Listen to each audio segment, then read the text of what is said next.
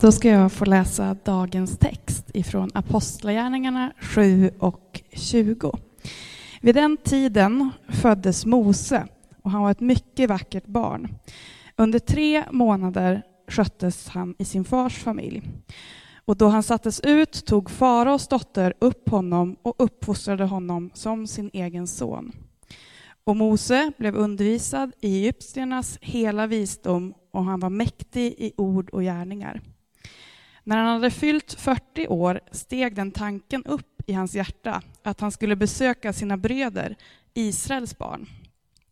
Han fick då se hur en av dem blev illa behandlad och han tog honom i försvar och hämnades honom genom att slå ihjäl egyptiern.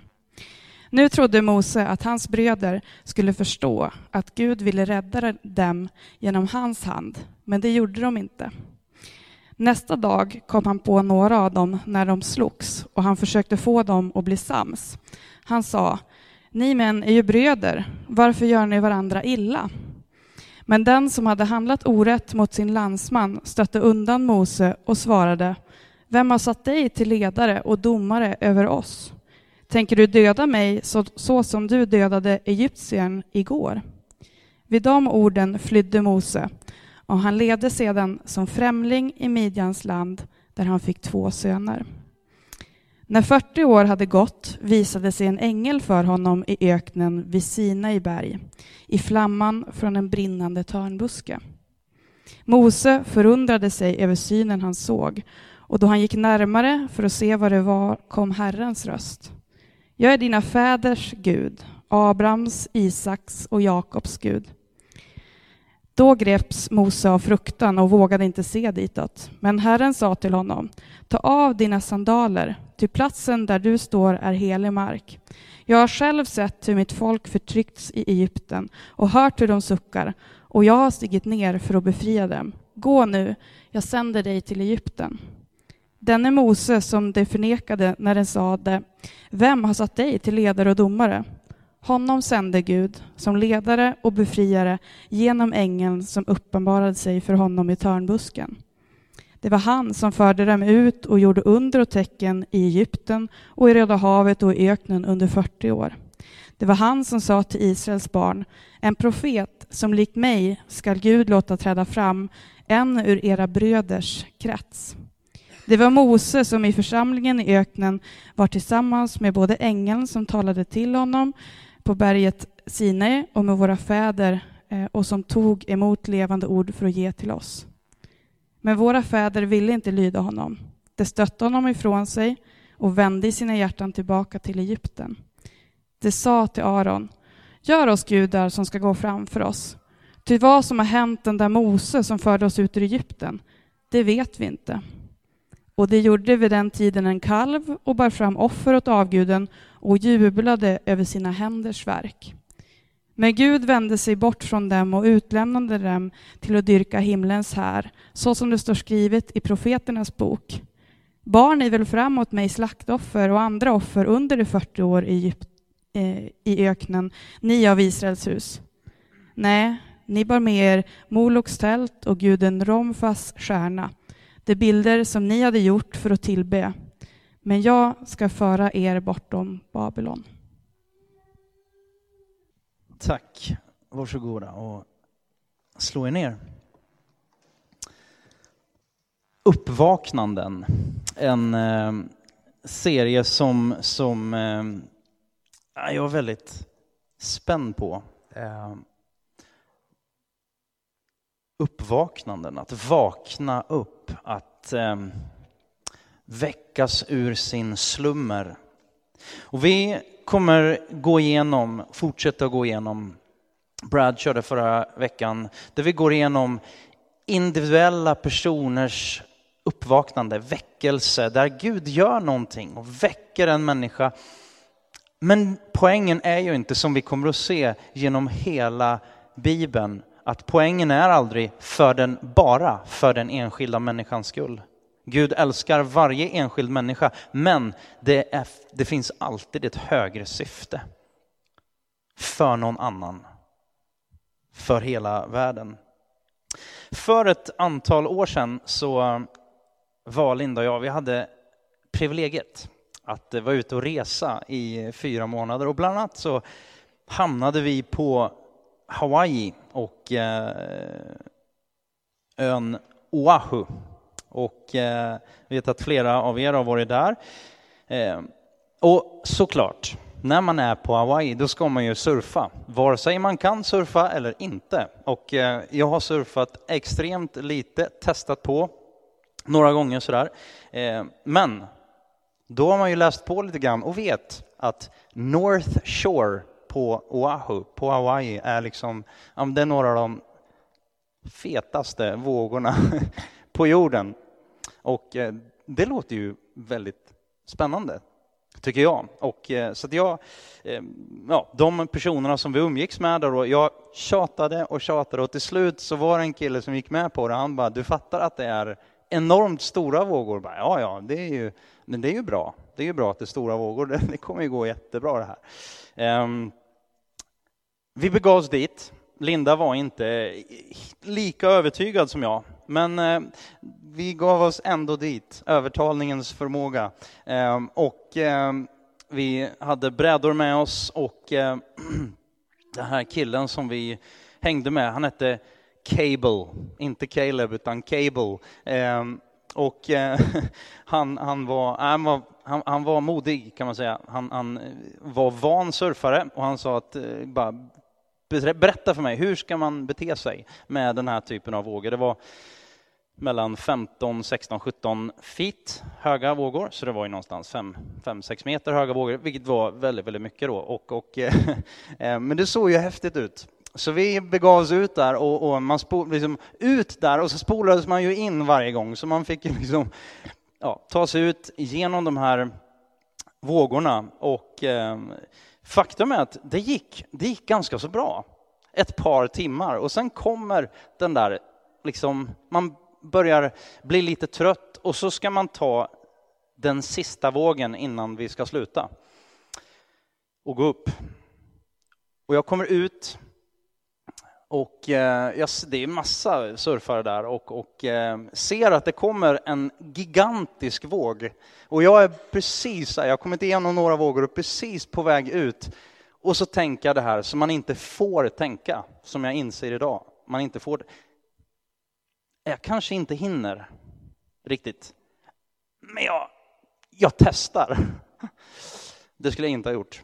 I alla fall så jag beger mig mot den och börjar lägga iväg och jag tänker så här, det är ju ingen annan som ger sig på den här vågen. Det är ju klockrent. kan ju finnas en anledning till det. Eh, sådär. Men det, så tänker inte jag. Jag tänker bara klockrent. Jag är helt själv på den här vågen. Och de som kan, de av er, ni får rätta mig om jag har fel, men, men man ska ju inte hamna där nere, man ska inte hamna, man ska definitivt inte hamna längst upp. Utan man ska hamna någonstans i mitten lite så här, så att man bara får liksom det här, ja men det blev ju en tube sen då naturligtvis då.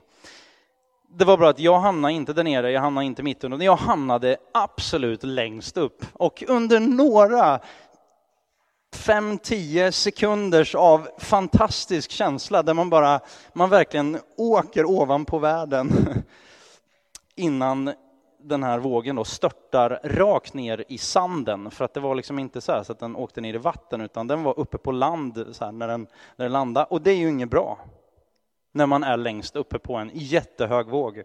Ehm, jag landar inte på huvudet, utan jag landar på axeln. Och jag vet att det är ju tyvärr, det är folk som dör där på North Shore varje år för att de är ovana, precis som jag. Och det är ju inte så klokt. Och sen så erkände jag någon vecka eller två senare för Linda att det var någonting jag skulle lyfta eller någonting, så det hade ju jätteont. Jag hade ju bara inte sagt någonting, för jag skämdes. Men i alla fall så, jag överlevde den, den prövningen. Och jag tänkte så här att det är ju, jag kan ju inte påverka. Och vi kan inte påverka när vågorna kommer. Men det vi kan göra, det är att vi kan förbereda oss, så när den kommer så vet vi hur vi ska bete oss. Och jag tänker att den här serien, Uppvaknanden, att den får vara lite som en, en prep inför att de här vågorna kommer utan att liksom dra för många varv på den. Men jag tänker att Gud vill ju göra en massa saker i vårt samhälle. Gud vill ju göra en massa saker i våra världar där vi lever. På våra arbetsplatser, bland vår, i vårt grannskap där vi bor, i vår församling och genom var och en av oss.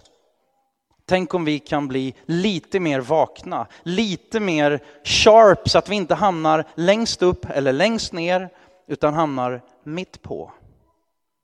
Man behöver paddla på ganska bra, man behöver, det, det kostar en del. Men tänk om vi lite oftare kunde hamna i Guds, liksom på något sätt, i Guds våg. Det har gjorts många stora filmer om Mose. Vi läste om Mose och det här, jag fuskar lite grann för jag tog ju Stefanos sammanfattning av Mose. Han gör ju en, en lång historielektion där i Apostlagärningarna. Och eh, Dreamworks och andra har gjort eh, stora filmatiseringar om Mose och många av dem är väldigt, väldigt bra. Men bara för att förstå vem det är vi ska läsa om idag så tänkte jag läsa två bibelställen. Ett ehm, ja, från Gamla Testamentet då, som bara talar om där Gud bekräftar vem Gud säger att Mose är. Andra Mosebok 33, 9-11. Varje gång Mose kom in i tältet, de var ett resande folk, de hade inga fasta byggnader utan Israels folk de, de bodde i tält och Gud hade också ett tält. Ehm, och Mose kom in i tältet, mötestältet som, som det står på engelska. Då sänkte molnstoden sig och blev stående vid ingången till tältet och Herren talade med Mose.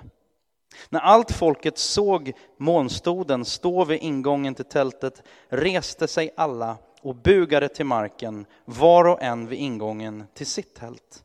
Och Herren talade med Mose ansikte mot ansikte som när en man talar med en annan. Alltså, det, det, det är svårt att tänka sig en vackrare beskrivning. Där Gud i sin allsmakt och i sin storhet talar med Mose som en man talar med en annan man. I fjärde Mosebok 12 och 3, bara för att visa lite en annan sida. Mose var en mycket ödmjuk man. Mer än någon annan människa på jorden. Det blir lite extra skojigt om man säger att det är han själv som har skrivit det här. Eh, men i alla fall. Eh, vi kan dock, här, vi, vi inser att det här är inte vilken person som helst. Det är inte så många som Gud Visa sig för på det sättet. Det är inte så många som Gud bekräftar sig och på det sättet bjuder in till gemenskap med honom under hela, liksom, egentligen under hela, hela gamla testamentet. Vi ska titta på hans liv, vi ska titta på ett uppvaknande, för det var ju långt ifrån alltid som Mose kände sig som att han var rätt på den där vågen. Vi ska se att han kände sig nog både som han var längst uppe och längst nere och inget av det var helt rätt. Det börjar med att han växer upp och tror att han är någon. Sen faller han pladask på sin egen styrka och lever där, därefter och tror inte att han är någonting. För att till sist inse att Gud är. Första punkten, jag är någon. Kapitel 7, vers 21 25 i Apostlagärningarna. Och när han sen sattes ut tog fars dotter upp honom och uppfostrade honom som sin egen son. Och Mose blev undervisad i all egyptiernas visdom och han var mäktig i ord och gärningar. När han fyllt 40 år fick han tanken att besöka sina bröder, Israels barn. Han fick då se hur en av dem blev misshandlad och han tog honom i försvar och hämnades honom i att slå ihjäl egyptien. Nu trodde Mose att hans bröder skulle förstå att Gud ville rädda dem genom hans hand. Mose på många sätt växte upp med silversked i munnen. Han hade det förspänt för sig. Speciellt om man jämför med Israels barn. Vi vet väldigt lite om exakt hur han hade det. Eh, men åtminstone hade han mer än sina hebreiska syskon. Mer han åt, han eh, åt gott, han fick gå i skola, fick lära sig. Det var bra mycket mer än många av, av hans bröder och systrar i det hebreiska eh, folket som var egyptiernas slavar. Han var mäktig i ord och gärna, gärningar. Är det inte lite liknande med oss? Om man bara ponerar och det faktum att vi, vi tillhör, alla vi som sitter här, vi tillhör någonstans, ja, statistiskt sett då, den översta en procenten vad gäller inkomst, vad gäller studier, vad gäller möjligheter. Ja, det finns säkert kanske några procent där att plocka ifrån, men, men vi tillhör de ganska få i jämförelse förunnat att ha det så fruktansvärt bra och förspänt. Vi har tillgång till egentligen till allt. Våran fattigdom ligger inte kring främst materialism, eh, kring studier, kring eh, saker och ting som, som för israeliterna vid det här tillfället, eller många, många runt på vår jord, verkligen brottas med. Jag har haft privilegiet att, att resa en del, var nere i Sudan bland annat och även andra länder i Afrika, inte minst där vi hade en gudstjänst och en ledarutbildning för, för unga pastorer och det var en del andra ledare också. Där var det ett gäng som de hade, kom från olika håll. Det var en tjej, hon gick nio mil för att komma dit till att bara lyssna på en eller två dagar av ledarskapsundervisning. För det var så, det var så lite av den varan. När sist gick du nio mil, eller jag gick nio mil för, en, för lite ut, utbildning eller undervisning? Vi tar, tar flyget eller vi tar eh, bilen eller eh, men jag tänker att vi har det, och det är ju någonting som är väldigt, väldigt positivt naturligtvis. Ehm, men Mose, han, han inser att eh, ja, men jag, har, jag har väldigt mycket. Ehm, samtidigt så börjar det gå upp för honom. Det står att när han är vuxen, han är 40 år, jag fyller 40 nästa år, då blir jag också vuxen. Så det är skönt att man inte är vuxen riktigt än. Ehm, han tar ett beslut. Någonstans tar han ett beslut. Förmodligen våndas Moses, för han inser ju, jag, jag lever av Egyptens frukter, jag, jag, jag har det überbra. Men mitt folk, Egypt, äh, ehm, israeliterna, de har det inte bra. De lever som slavar. Jag är inte egyptier, jag, jag är hebré, men jag lever som egyptierna. Och han tänkte ju säkert då, ja, men jag, det är ju fantastiskt, vilket läge. Och det var ju ett fantastiskt läge. Jag får vara med. Tänk om jag kan få vara med och befria Israels folk. Jag är någon. Och Mose har någonting av ett, ja men läser man Nya Testamentet om honom också så ser man bara att han har någon slags, det verkar som att han har ett moraliskt uppvaknande. Han inser att jag kan inte leva som egyptierna och samtidigt identifiera mig som och med mina bröder och systrar med hebreerna. Det, det kommer inte funka. Jag kommer att behöva välja. Och han ser ju sig själv då som en, en stark, mäktig i ord och gärningar. Eh, makten har han, god moral driver honom. Problemet är att han inte inser då att det inte räcker. Det räcker inte med makt, med gärningar, med god moral. Han ser inte hela bilden, han agerar i egen kraft, han tar till våld och snart är katastrofen ett faktum. Är det inte lätt för oss också att sätta vårt hopp till och tänka att vi har det. Vi sitter ofta på våra höga hästar och tycker och tänker. Vi sitter i tv-soffan och tittar på nyheter, vad det nu är för någonting vi tittar på, och vi kan allt. Ändå så kommer vi till korta. Kan det vara så att med all information så har vi ändå inte hela bilden? Är det inte så att väldigt ofta så tar vi inte Guds bild med i beräkningen?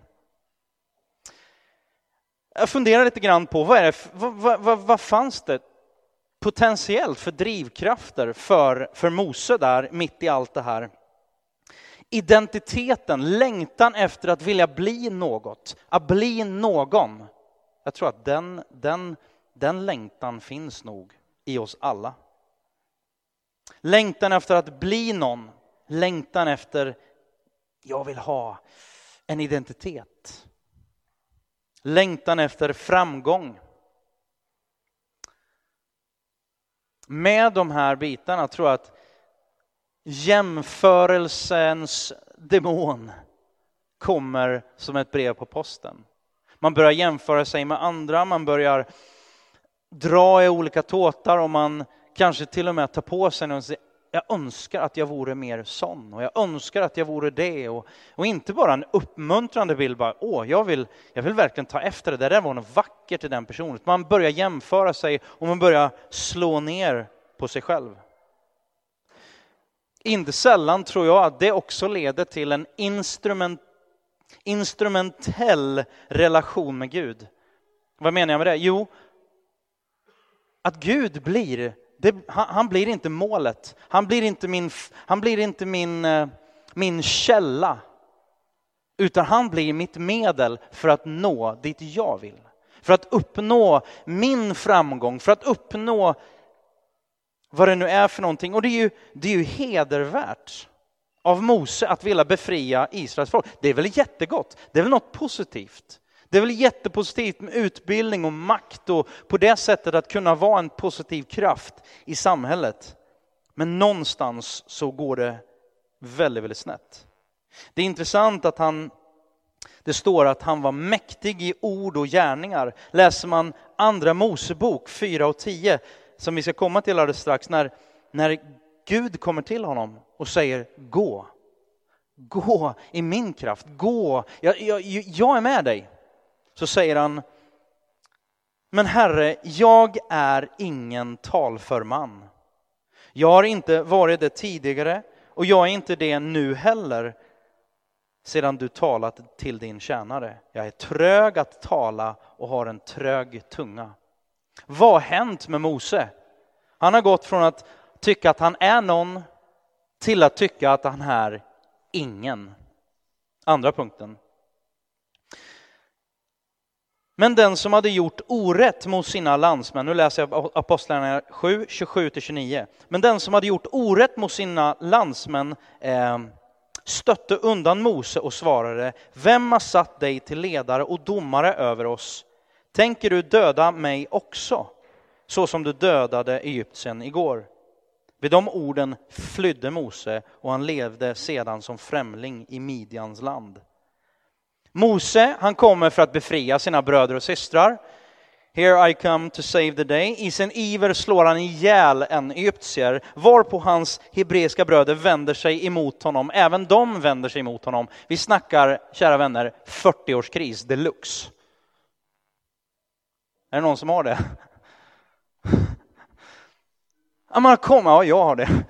Man kommer dit i livet, man tänker bara, man är ung, man är vigorös. Man är på väg någonstans. Ja, men det här ska ju bli fantastiskt. Och så försöker man i egen kraft. En del kommer dit innan de är 40, en del kommer dit när de är 30, lite snabbare. En del kommer aldrig dit. Det ska jag också komma till.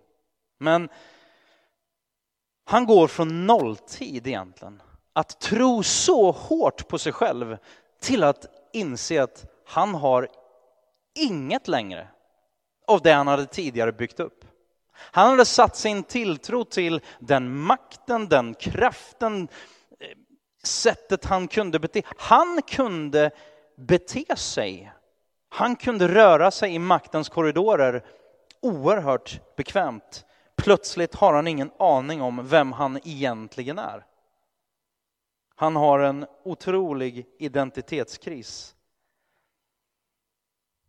Han hade byggt upp sin identitet på helt felaktiga grunder. Kampen om att få vara någonting, att få bli någonting. Jag tror att det leder oss ofta till att tro att vi är ingenting därför att vi söker identiteten på fel ställe. Hur kommer det sig att 60 procent av svenska VDs säger att de, är, de går omkring med en ständig oro över att snart bli påkommen? 60 procent av företagsledare. Jag har egentligen inte det som krävs. Och det är bara en tidsfråga tills jag blir påkommen. När ska styrelsen komma på det? När ska mina medarbetare komma på det? Jag undrar hur många av oss pastorer eller connectledare eller mammor och pappor som känner bara I don't got it. Jag har inte. Jag vet inte. Jag vet inte riktigt vem jag är. Tänk dig en av mina favoritfilmer, Born Identity. Tänk dig att vakna upp och vara helt, att inte ha några rötter överhuvudtaget. Inte veta ens vad du heter. Du vet ingenting till att börja med. Sen är ju det hela the whole quest.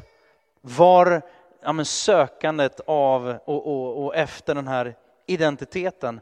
En enorm kamp, en kamp värd att dö för. Och Mose han hade ju en rejäl identitetskris. Och jag tänker på det här med rötter. Att inte ha rötter, att inte ha föräldrar som man har kunnat luta sig på som barn under sin uppväxt. Jag tog mig friheten att läsa, jag bara gjorde lite research och hamnade bland annat på Folkhälsomyndighetens webbsida. Och där står det så här. Barns och ungdomars hälsa påverkas av olika faktorer i uppväxtmiljön. Miljön i hemmet är betydelsefull. En god relation mellan barn och föräldrar minskar risken för en rad olika hälsoproblem och riskbeteenden hos barnen. Medan goda relationer mellan föräldrar och barn kan fungera som en skyddsfaktor för barnen så kan brister i hemmiljön påverka barnen negativt. Dåliga relationer i en familj kan bland annat öka risken för, för psykiska problem eh, hos barnet. Något som kan få särskilt allvarliga konsekvenser för barnet är bristande omsorg från föräldrar och vårdnadshavare. Vikten av relationen med, med föräldrar, är, den är uppenbar, det vet vi. Det finns studier på det. Och om du inte tror mig så tro Folkhälsomyndigheten i Sverige. Att sakna relationen med sina föräldrar. Jag har läst någon studie om att det var en enormt hög procent. Alla män som sitter på, på anstalten eh, Hall här i Stockholm. Jag tror till och med att det var så att 100 procent av männen svarade ja på att de hade en en icke-existerande eller en problematisk relation med sin far. Men jag ska inte, don't quote me on it, men, men det var åtminstone det var en stor, en stor, ett stort antal, en stor andel. Har man inte fått med sig tryggheten från sina föräldrar, var de kommer ifrån, våran kultur, språk, man har inte koll på sin historia, då vet du egentligen inte fullt ut vem du är. Och det står här att, att det är allvarligt. Det kan få dåliga och negativa konsekvenser, allvarliga konsekvenser om vi saknar omsorg från föräldrar eller vårdnadshavare.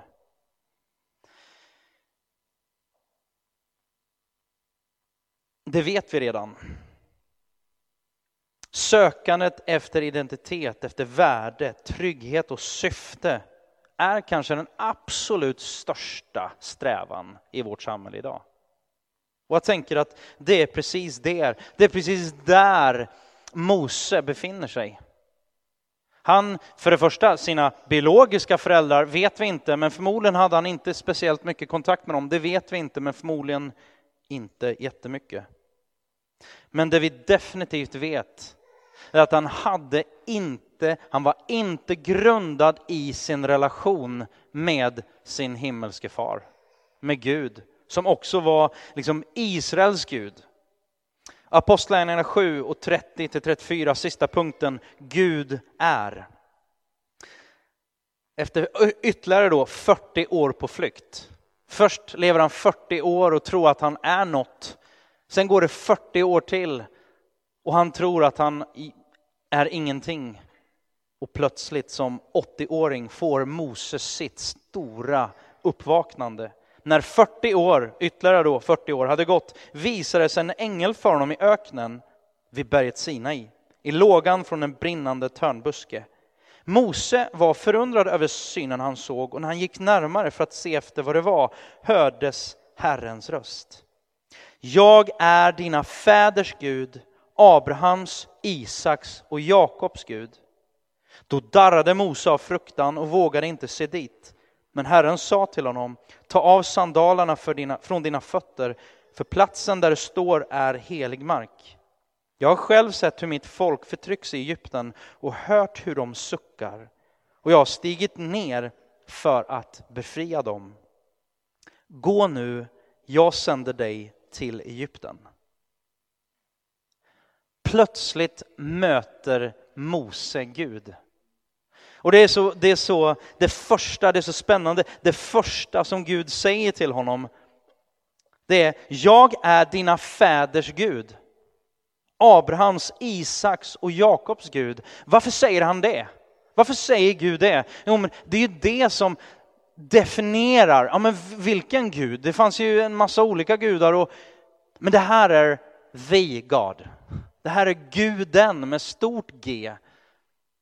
Och det här är hela hans, hans men hela Israels folks Gud. Jag är dina fäders Gud. Mose darrar av fruktan. Men plötsligt så, så visar sig Gud, hans rötter och ger faktiskt, det är intressant att ta av dig skorna jag ska inte liksom lägga ut texten på det mer än att bara så här, du kan stå stadigt Mose. Du kan stå stadigt från och med nu, för jag är Gud. Platsen du står på är helig mark. Mose möter tryggheten själv, vilan själv, kraften själv. Det var inte längre, ja men du är awesome Mose. Det står inte, ja, men du har, nu, nu gör jag dig stark igen. Det står inte så främst. Det står, jag själv, Gud har sett, inte bara du Mose, har sett hur ditt folk lider. Jag, Gud, Israels Gud, jag har sett hur ditt folk lider. Och jag har stigit ner för att befria dem. Det är inte längre bara upp till Mose, utan Gud själv stiger ner.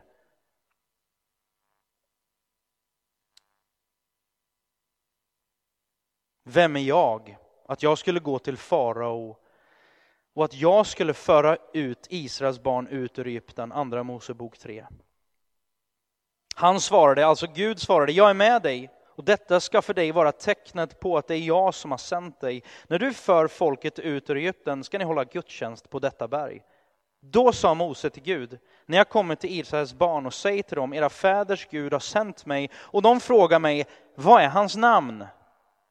Vad ska jag då svara dem? Gud sa till Mose, jag är den jag är. Och han sa vidare, så ska du säga till Israels barn, jag är, har sänt mig till er. Mose möter, han söker identitet och här möter han evigheten själv. jag är. Alla andra varelser på jorden behöver säga jag är pappa eller jag är snickare eller jag är pastor. Men Gud, han säger bara jag är. Jag är ditt allt, Mose. Jag är allt som du någonsin kommer att behöva. Förlåt att jag talar lite högt, men det kommer på köpet. För Mose blev Gud hans allt.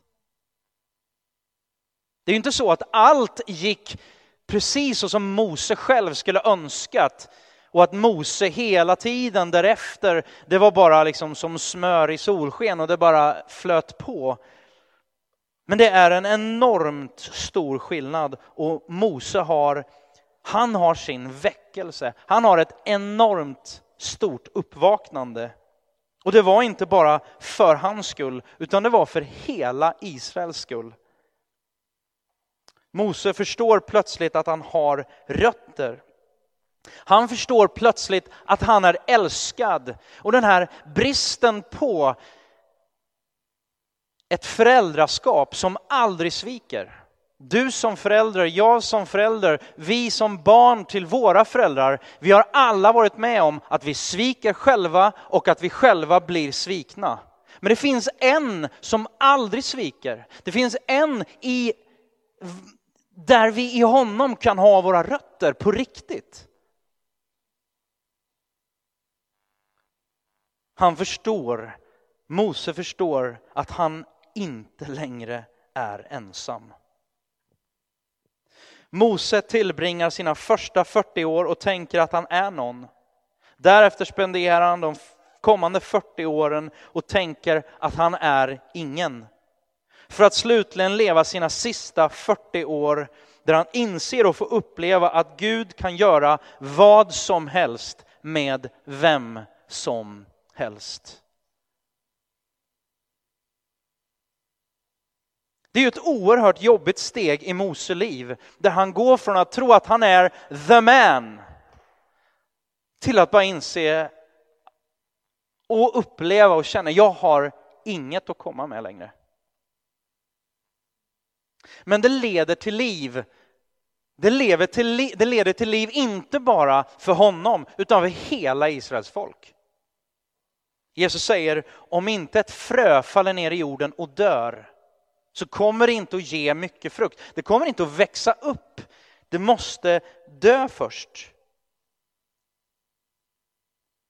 Det, det, det, det absolut värsta tänkbara för Mose, det hade nog varit att inte gå igenom steg nummer två, utan stanna på steg nummer ett och tro att han är it. Att han är, ja men jag är svaret. Jag klarar mig själv. Jag är mäktig i ord och gärning. Jag behöver ingenting annat.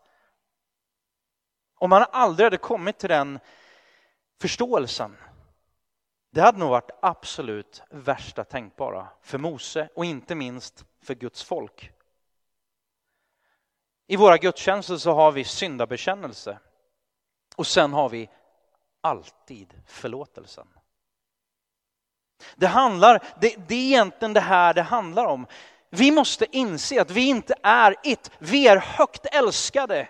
Vi är högt benådade, men vi, vi är inte kallade till att klara oss själva. Jag tror att det är klokt och jag tror att det är bra. Och vi behöver sannolikt alla vara med om den, vi skulle nog må bra en del av oss, jag tror vi alla, kämpar febrilt med att aldrig komma dit. Att brytas ner och inte liksom, nej men jag, jag kan själv.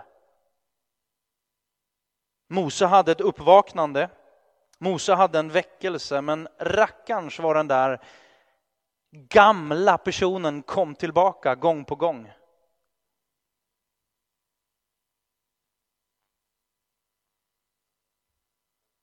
Mose blev slutligen som sagt en av de absolut mäktigaste gudsmännen på jorden.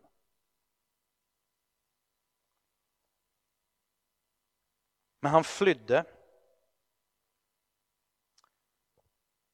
Jag vet inte var du befinner dig, Linnea. Jag vet inte var du befinner dig. Och jag har våndats en hel del när jag har suttit och förberett det här, för jag inser att jag, klar, jag, jag tycker att jag klarar mig själv. Det är uppenbart. Jag tänker att jag inte gör det, men ändå bevisar jag det så ofta. Jag kan själv. Det börjar tidigt. Så fort barnen kan prata, kan själv. Det märkliga är att det inte försvinner.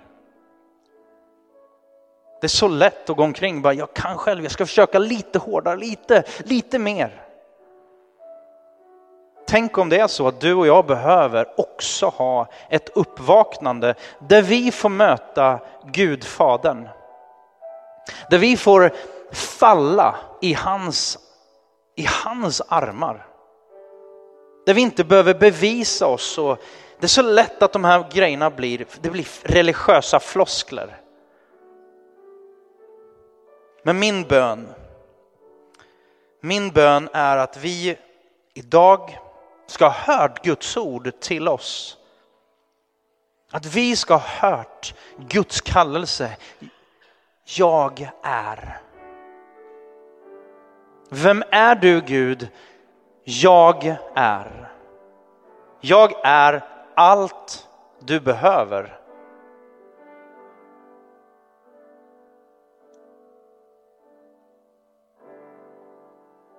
Och i slutet av sitt liv så säger Mose och när han börjar gå då, eller de här sista 40 åren när han har insett vem Gud är, då kan han, han kan inte tänka sig en tillvaro utan Gud. Jag vill avsluta med att läsa andra Mosebok 33, 12-19. Mose sa till Herren, se, du säger till mig, led detta folk dit upp. Men du har inte låtit mig veta vem du vill sända med mig. Fast du har sagt, jag känner dig vid namn och du har funnit nåd för mina ögon. Om jag nu har funnit nåd för dina ögon, så låt mig förstå dina vägar och lära känna dig, så att jag finner nåd för dina ögon och tänk på att detta folk är ditt folk. Herren sa, min närvaro ska gå med dig och låta dig få ro. Han svarade, alltså Moses svarade, om din närvaro inte går med ska du inte alls låta oss dra upp härifrån. För hur skulle man kunna veta att jag och ditt folk har funnit nåd för dina ögon om inte genom att du går med oss? Så att jag och ditt folk utmärks bland alla andra folk på jorden. Herren svarade Mose, det du har begärt ska jag också göra, för du har funnit nåd för mina ögon och jag känner dig vid namn. Mose sa, låt mig få se din härlighet. Jag ska låta all min godhet gå förbi framför dig och jag ska ropa ut namnet Herren inför dig.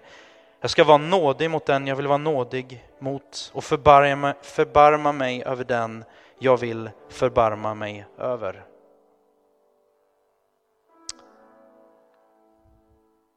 Tänk om Guds eget folk, hans kyrka idag, skulle vända sig till honom och säga Gud, vi vill inte, vi vill inte fortsätta våran grej här som vi trixar och fixar med. Vi vill inte förlita oss på mänskliga former och hit och dit. Vi vill lära oss av och ha grunden och roten i historien i Israels Gud. Abrahams, Israels och Jakobs Gud.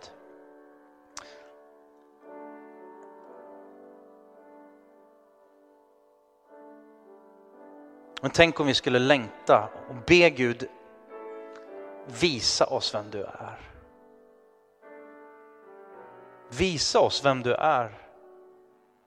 Tänk om vi, United Stockholm, skulle, att det skulle bli en verklig bön. Ännu mer.